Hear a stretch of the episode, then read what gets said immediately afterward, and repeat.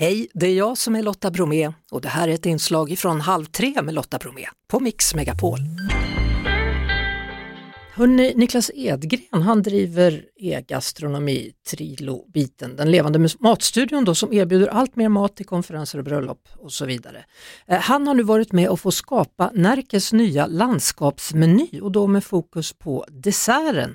Eh, spännande, en hel meny alltså från det landskap som heter Närke. Hallå Niklas Edgren och välkommen! Tack så mycket!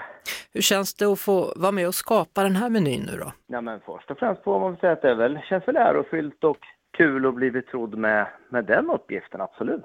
Närkes nya landskapsrätt, hur kom ni fram till att desserten skulle vara en crème brûlée? Ja, men det, det, uppdraget är ju lite från landshövdingen att det skulle ändå vara lite folkligt. Och då tänkte vi så här, jag och Lena då, som skapar den här ihop, att crème brûlée är en väldigt populär dessert som finns mycket av, men vi ville göra den på ett nytt och modernt och innovativt sätt. Och då tänkte vi så här, spannmål har ju odlats väldigt mycket i Närke under ja, all tid egentligen. Och då tog vi och gjorde en kräm egentligen, vetekräm. Och sen så har vi smaksatt den med en Nötella för vi har ändå tagit kopplingen till vårt landskapsdjur som är hasselmusen, så vi har en hasselnötskräm. Ja. Och då smaksatte vi den här vetekrämen som vi gör då med, ja, som en typ en bechamelsås fast lite tjockare. Och så smaksätter vi med en nötkräm då, så det blir som en nötbrulé. Och så är det gullvivehonung.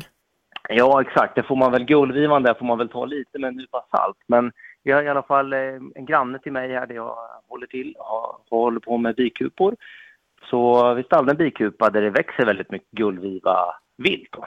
Så får man väl hoppas att de har sugit i sig en hel del av den här gullvivan. Men det är mycket blommor runt omkring så det borde i alla fall ta smak. Och då har vi gjort en, en glass då med gullvivehonung i. Då. Mm. Eh, och då är det väl ja, också kopplingen till vår landskapsblomma. Mm. Du har ju arbetat med mat och smaker länge då, och även tävlat. Såg du det här som en tävling eller är det mer som en rolig och hedersam sak att få vara med ja, som kock? Ja, det är nog mer en hedersam och en rolig sak. Tävlandet är en annan sak. Så det, nej, det här är mer ett ärouppdrag tycker jag. Och väldigt kul att det är uppmärksammat. För det är ju inte bara Närke utan det är väl alla län i Sverige som har fått i alla fall frågan om man vill göra det här. Så det är jättekul tycker jag i alla fall. Förrätt fisksoppa med Hjalmargös. Gös, typiskt för Närke?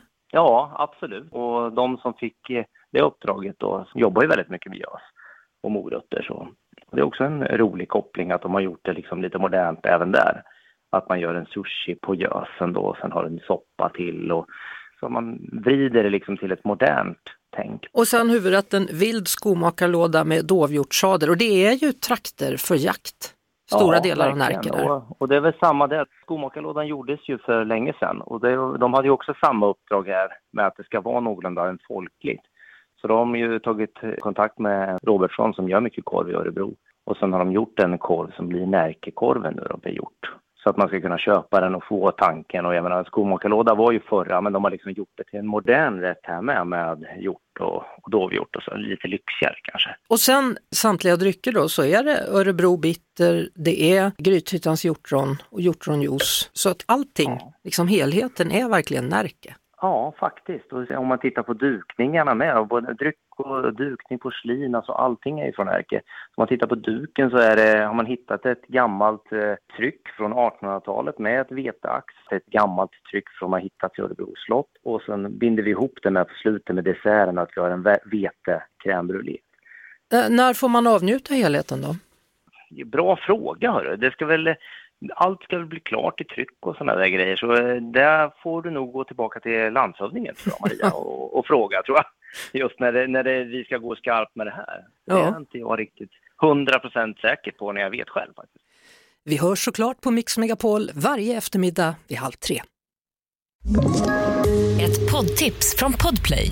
I fallen jag aldrig glömmer djupdyker Hasse Aro i arbetet bakom några av Sveriges mest uppseendeväckande brottsutredningar går vi in med hemlig telefonavlyssning och, och då upplever vi att vi får en total förändring av hans beteende. Vad är det som händer nu? Vem är det som läcker? Och så säger han att jag är kriminell, jag har varit kriminell i hela mitt liv men att mörda ett barn, där går min gräns. Nya säsongen av Fallen jag aldrig glömmer på Podplay.